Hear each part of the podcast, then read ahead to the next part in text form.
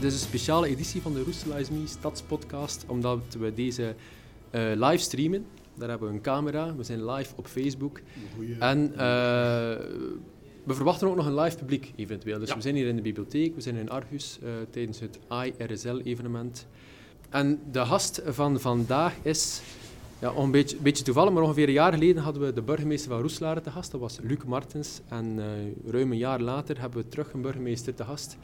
Terug de burgemeester van Roeselare, maar niet meer Luc Martens. Chris de Klerk, welkom in de podcast. Dankjewel. Je bent ongeveer een jaar burgemeester nu van Roeselare, nadat je het roer overnam van Luc Martens. Heb je het gevoel dat je reeds je eigen stempel hebt kunnen drukken? Of, of voer je eigenlijk uit wat al was uitgetekend? De vraag is een beetje van, uh, wat is uh, burgemeester zijn in Roeselare? Gaat Mhm. dat over je eigen stempel drukken? Uh, of over een visie volgen dat je met een team uh, en met de Roeselarenaars volgt? Ik vind Ja. dat eigenlijk een, een belangrijker vraag dan of dat dan nu de stempel is van Chris de Klerk of Luc Martens. Ik denk dat je in een community, hè, een gemeenschap, eh, dat dat niet alleen digitaal eh, belangrijk is, maar je dat ook binnen de eh, gemeenschap zelf van Roeselare moet waarmaken. En dan is het soms wat accenten leggen. Hè. Dat is het wat bijsturen. Um, Luc Martens heeft als burgemeester op een ongelooflijke manier de stad een facelift gegeven. En inderdaad, verband zit hier en daar nog rond. Hier en daar uh, moeten de laatste plakkers weg. En dat is misschien wel het accent dat we nu kunnen doen, juist in het verlengde daarvan. Het ene is, eigenlijk niet tegenstrijdig met het andere. Uh, door het feit dat we straks de verbanden los kunnen maken, en dat we zullen zien dat toch een mooie operatie geweest is, is er nu weer tijd om de accenten te leggen van rust te geven in de stad. Maken dat mensen weer kunnen genieten uh, van pleinen, uh, van straten en wijken, na alle drukte uh, van werken en operaties allerhande. Dat mensen daardoor, daar hoop ik echt dat daar een, grote verandering komt, dat betrokkenheid tussen mensen weer stimuleren. Um, dat mensen daardoor weer elkaar kunnen ontmoeten. En dat mensen weer met elkaar in gesprek gaan en initiatief kunnen nemen. Dat is een derde punt wat ik belangrijk vind als accent. Uh, bij het verenigingsleven, de scherpe ondernemerszin. Het zoeken in uh, moderne tijden, zowel voor de klassieke ondernemers en handelaars uh, die ja, tegen online moeten vechten. En anderzijds mensen die onderling ook weer respect moeten tonen voor elkaar. En we hadden het daarnet erover als we hier samen zaten. Online en offline hoeven geen tegengestelde te zijn. Ja. Ja. Je kan die zaken perfect combineren, ook in je dagdagelijkse leven. Ook als je een, uh, een leider bent van de jeugdbeweging. Eh, en ook als je een handelaar bent of ook iemand die thuis zorgt dat alles uh, naar wens verloopt overdag en de kinderen s'avonds thuiskomen, maar toch over de middag even al een fotootje doorzenden van de lasagne die klaar staat s'avonds. Dus ik denk dat de accenten, hè, le petit choses de la vie om het zo te zeggen, dat dat in het verlengde ligt van uitvoeren wat, eigenlijk, wat ik samen ook met Luc en met het hele team heb mogen op de rails zetten, namelijk Roeselare dat klaar is om uh, duurzaam, eh, enthousiast en betrokken te zijn in de volgende twintig ja. jaar. Je bent er natuurlijk niet in gegooid, dus je was al uh, lid van... Uh, ik heb veel geleerd van, van Luc. Ja. Mijn vraag soms is, wat is het verschil tussen jou en tussen de vroegere Dat was mijn volgende vraag, ja. Ah, ja maar inderdaad, wat is het grote verschil tussen jou en je voorganger? Um, goeie vraag. um, wel, ieder vogeltje zingt zoals hij gebekt is. Dus door het feit dat je zelf samen een beetje hetzelfde parcours hebt afgelegd. We, hebben een beetje een gemeenschappelijke achtergrond als het gaat over interesses. We zijn allebei geïnteresseerd in, in stadsontwikkeling, in, in stadsopbouw. Um, van de andere kant, ik ben een, een ander soort gezelligheidsdier hè, dan, dan Luc. Hè. Mm -hmm. Luc zit graag met uh, een boekje in een hoekje en uh, kan van daaruit dan ook wel heel gericht en goed communiceren. Ik zit graag heel vaak tussen de mensen zelf om te luisteren wat er gebeurt, maar gewoon omdat ik die gezelligheid belangrijk vind. En dat is misschien een accentverschil, maar dat heeft meer te maken uh, met, niet zozeer met DNA. We delen hetzelfde DNA, maar de plumage of de vederdracht uh, verschilt soms wel even. Dus elk vogeltje zingt zoals hij ja. gebekt is. En ik krijg nog altijd vele goede tips en suggesties. Uh, hij moeit zich niet om het zo te zeggen, maar ik sta er wel op om uh, zijn raad en zijn advies te horen. Ja. Kansen geven heeft hij gedaan en ik denk dat je zelf ook maar kansen kan geven aan mensen als je ook toelaat dat je verbeterd, gecorrigeerd of geïnspireerd wordt door ja. iemand anders. Je bent nu ongeveer een, denk iets meer dan een jaar burgemeester, denk en, ik. Uh, of net, nog niet hoor, 1 maart. Ja. 1 maart, ja. Um, is dit een inloopperiode voor het echte werk? En dan denk ik aan de verkiezingen in 2018. Goh, um, politici zijn het enige soort uh, wezens op aarde die een leven in vier of zes jaar lijken in te delen. Um, ik denk dat je op stadsniveau voor de lange termijn moet gaan en durven combineren met de bezorgdheden op korte termijn. Ehm, als je alles alleen maar in voorbereiding ziet van de ene hindernis, de verkiezingen, naar de andere hordeloop, ja, dan denk ik ook dat je op den duur wel de koers kwijtraakt. Dus mhm. ik zie niet zozeer van het is een aanloop. Je moet elke dag doen wat je denkt dat moet doen. En je moet ook elke dag durven nieuwe dromen formuleren. Of dat dat dan 18, 19 of 2047 is, dat is eigenlijk ondergeschikt aan wat je wenst. Het is wel zo dat wat we nu uh, met een ploeg hebben uh, opgesteld, en dat is eigenlijk los van partijen hoor, want zonder naïef idealistisch te willen zijn, in een stad als Roeselare moet je vooral uh, de stad kunnen verenigen en niet verdelen. En je mag dan wel van mening verschillen. Dat is ook goed dat mensen een gedacht zeggen. Mm -hmm. Ook op de sociale media. En als dat beleefd en respectvol gebeurt, ik kijk daarnaar, ik, ik lees dat ook en ik zal zelf niet onmiddellijk op alles mee gaan debatteren daarin. Maar ik absorbeer het en zeg van dat is misschien een goed idee. Of tja, zo had ik het nog niet bekeken. Dit is interessant. Dus in die zin vind ik het wel belangrijk dat je de stad kan verenigen. Ten slotte over sommige zaken rond punt kunt je niet aanleggen op ze liberaal of op ze sociaal-democratisch. Dat is een rond punt. Je kan links of rechts rijden. Je kan links of rechts rijden of centrum. maar eh, dus ik denk dat een aantal van die discussies op lokaal vlak je kan uh, overstijgen door vooral uh, samen te werken. En dan is eigenlijk die toevallige datum van een foto-opname van de democratische verdeling op dat ogenblik misschien irrelevant. Maar goed, laat ja. me dromen. Er is ook natuurlijk nog de realiteit die dan plots komt van twee weken voor de verkiezingen. En dat zien we wel in 2018. En dan moet je mij nog eens interviewen ja. en hoe ik dan spreek. Wat doet Chris de Klerk als hij s'avonds zijn burgemeester scherp uitdoet? Blijf je dag en nacht burgemeester? Of wordt dat een andere persoon? Um, je zou de vraag kunnen stellen, uh, als je nu een, um, een, verpleger bent of een bakker, mm -hmm. ben je dan iemand anders uh, nadat je buiten komt uh, uit het ziekenhuis of uit de bakkerij? Um, niet. Hè. Je blijft diezelfde bakker, hè. je blijft diezelfde burgemeester die bezig is met die dingen waar je overdag de accenten wil leggen. Het zou fout zijn dat je dan plots zegt en nu is het gedaan en nu moet ik iets anders doen. Dus je bent altijd wel bezig vanuit je, je engagement en je bezorgdheden maar je mag nooit denken dat je onmisbaar bent. Op een bepaald moment moet je zeggen, en nu uh, gaan we even rust nemen. Maar je mag nooit vanuit je functie redeneren. Ik denk dat authenticiteit heel belangrijk is. Dus als ik, uh, ik redeneer niet in termen van werk, ik redeneer in termen van engagement. En als ik na mijn engagementen dat ik heb mogen doen op een bepaalde dag uh, thuis kom, dan is misschien het eerste wat ik weer doe, weer onder de mensen gaan. Omdat ik graag ergens naartoe ga. Er is, geen rol, er is geen rol, ik ben nu de burgemeester. Nee, ik denk ook dat je snel uit die rol valt ja. als je dat speelt. En je voelt dat voor jezelf aan en mensen zullen dat ook aanvoelen. Ik denk dat het belangrijkste is om, om authentiek te zijn. Dat is in elke job zo. En mensen moeten ook weten van, ja, what you see is what you get, met je fouten en met je talenten. En het is die zin voor, voor eerlijkheid die ook bepalend moet zijn voor publieke functies eh, in de toekomst. Maar dat geldt eigenlijk ook voor de bakker. Maar bijvoorbeeld uh, een, een, een familieuitstap in Roeselare, dat zit er niet in, denk ik. Oh, jawel, maar uh, het is een beetje de kwestie van organisatie, zoals we ja, zeggen in het Roeselaars. Dat, dat zou zeker wel lukken. Um, de vraag is natuurlijk of dat je dat dan um, communiceert. Hè? Als we spreken over uh, hoe gaan we om met sociale media, hoe breng je dingen naar buiten. De vraag is, ben ik geïnteresseerd in uh, het privéleven van mijn bakker of ben ik vooral geïnteresseerd in de pistolees? Ja. En is diezelfde overweging ook zo voor politici?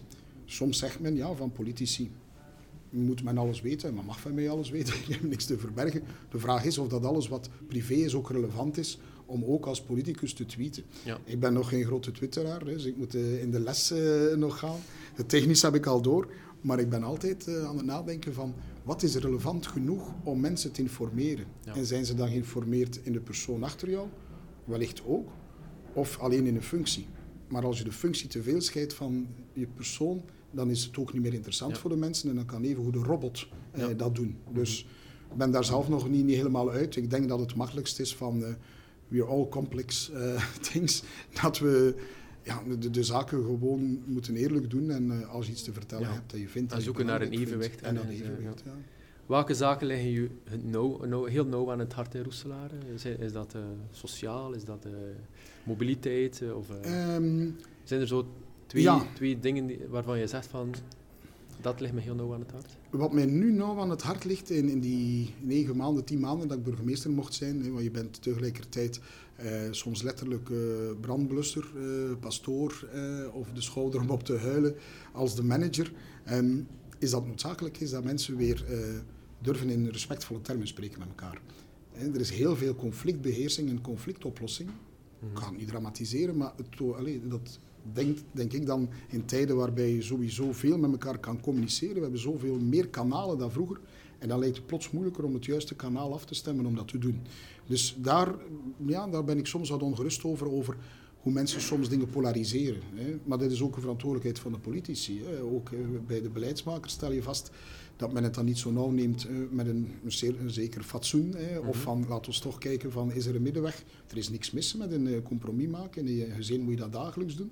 Um, dus dat maakt mij wel wat bezorgd, omdat het ook gaat over inclusie, over de gemeenschapsvorming. Maken dat mensen die niet mee kunnen, maar toch wel een verantwoordelijkheid moeten opnemen, uiteraard. Zowel als men nieuw is hier of als men de taal niet spreekt, dan wel als men uh, even op de pechstrook staat van het leven. Ja, dan moet je samen maken dat die mensen er weer op geraken. Dus dat, daar ben ik echt wel mee bezig. Dat is het sociaal, om het zo te zeggen. Uh, het tweede waar ik mee bezig ben, is van... We leven allemaal in dezelfde moeilijkheden die ze in Kamchatka en in Zuid-Mexico hebben, om het zo te zeggen. We leven met heel veel mensen op steeds kleiner wordende ruimte.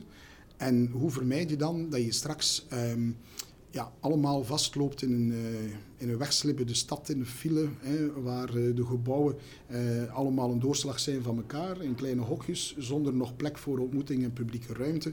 En waar onze digitale factuur, die belangrijker wordt straks dan de rioleringsfactuur, niet meer betaalbaar is. Samengevat in één zin, om het zo te zeggen. Ja, dat zijn de doelstellingen die je zowel in het verdrag van Parijs hebt, maar die je ook heel lokaal kan uitvoeren. En dat zijn kleine dingen. Hè. Dat is de zogenaamde smart city. Hoe kan technologie ons helpen om slimmere zaken te doen, om mobiliteit beter te organiseren op flexibele tijden, om te maken dat mensen overtuigd zijn dat uh, alternatieve energie wel uh, een noodzaak is uh, voor onze planeet. Dat ja, onze sterkte in Vlaanderen, namelijk onze grote absorptievermogen, zowel intellectueel als bij het harde noesten werken, dat we dat ook in andere soorten eh, maakeconomieën zullen moeten doen en onze kenniseconomie eh, hier in Argus, dat dat eigenlijk de sterkte zal zijn ook van Vlaanderen en van Roeselaar. Dat kun je heel lokaal maken, maar we moeten daar de juiste formule vinden. We moeten daarover weten van, het is niet van het een of het ander. Smart City, dat is meer dan een app, dat is meer dan een marketingterm.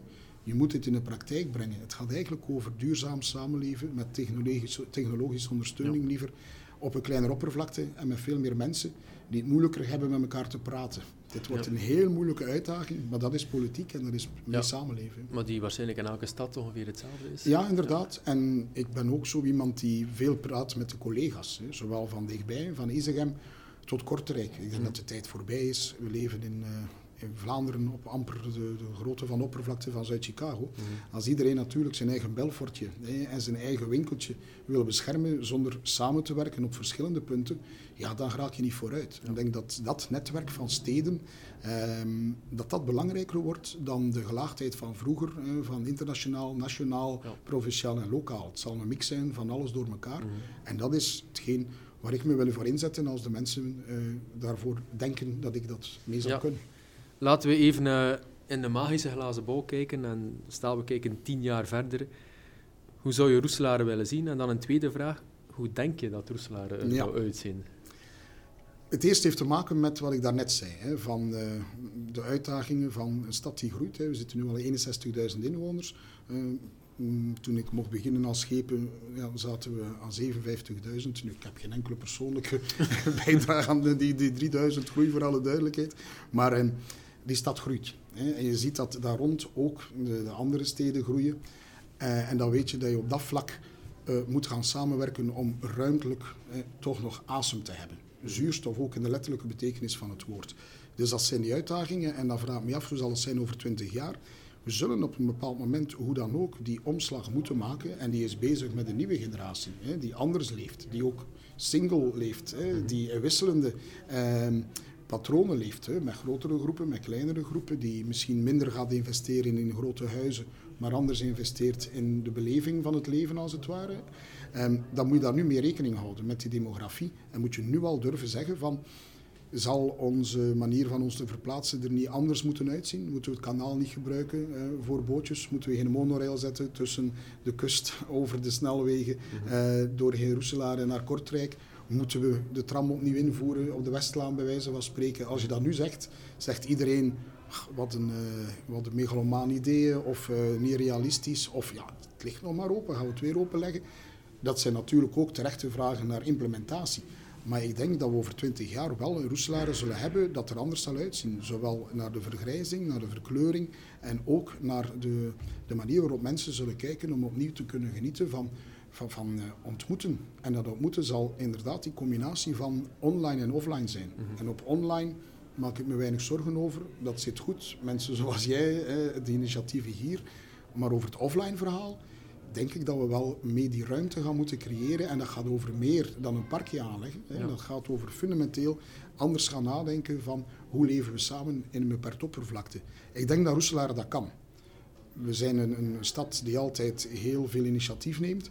Zij dat we soms eerder het half glas leeg hè, dan half vol zien. Ik zeg liever van, oké, als je dat niet weet, neem dan een extra glas en dan kunnen we opnieuw uh, vooruitkijken. Maar dat zal wellicht het roeselaren zijn van over 20 jaar. Proberen om niet te veel te groeien. Ik denk dat maatwerk belangrijk is nu. Moet nog haalbaar zijn voor iedereen. En daarin nu wat rust uh, te kunnen bieden op uh, nieuwe paden. Ja. Op het einde van elke podcastaflevering stel ik dezelfde vraag. En, en ik had ze op voorhand doorgegeven ook, mm -hmm. want mensen kunnen er altijd even over nadenken. Welke markante figuur uit de stad, of met een band met de stad, moet ik ook zeker eens voor mijn microfoon halen? Ja, ik vond dat de moeilijkste vraag. Um, omdat je kan dan zeggen, ja, elke Roeselarenaar, eh, maar dat is het, het gladde politieke antwoord dat mhm. mensen dan geven, of schoon ik het eigenlijk ook wel meen. Omdat iedereen zijn eigen verhaal heeft, dat altijd interessant is. Um, als het gaat over stadsontwikkeling bijvoorbeeld, ben ik nogal gecharmeerd door uh, mensen, architecten zoals een Jan Tivaart. Omdat hij, de zaken die ik daarnet vertelde, dat zijn inspiratiebronnen. Eh, omdat hij vooruitkijkt, een beetje off the beaten track eh, durft na te denken, dat vind ik belangrijk. Um, en daarnaast, als je dan toch weer hebt over het sociale, of wat ik daarnet wilde benadrukken, respect voor elkaar. Soms is het belangrijk om terug te gaan back to basics.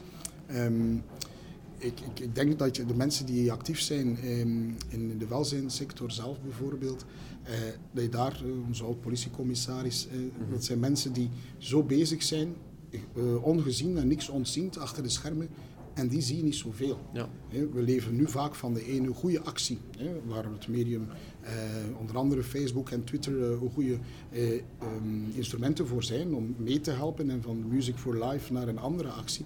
Maar soms moet je ook die decem hebben, die humus, eh, om, zoals mevrouw Zeurink eh, dat al die jaren heeft gedaan, als politiecommissaris, maar nu ook met een, een groot hart voor de mensen zelf. Dat zijn twee mensen die inzichten kunnen geven waar we iets kunnen valeren. Ja. Maar er zijn er nog hoor. Maar... maar ik noteer die twee namen en die komen op de lange lijst die ooit een interview kunnen verwachten. Chris, bedankt voor het interview. Jij bent bedankt. En uh, ja, veel succes met je burgemeesterschap in Roeselaar. Insgelijks. Dank u wel.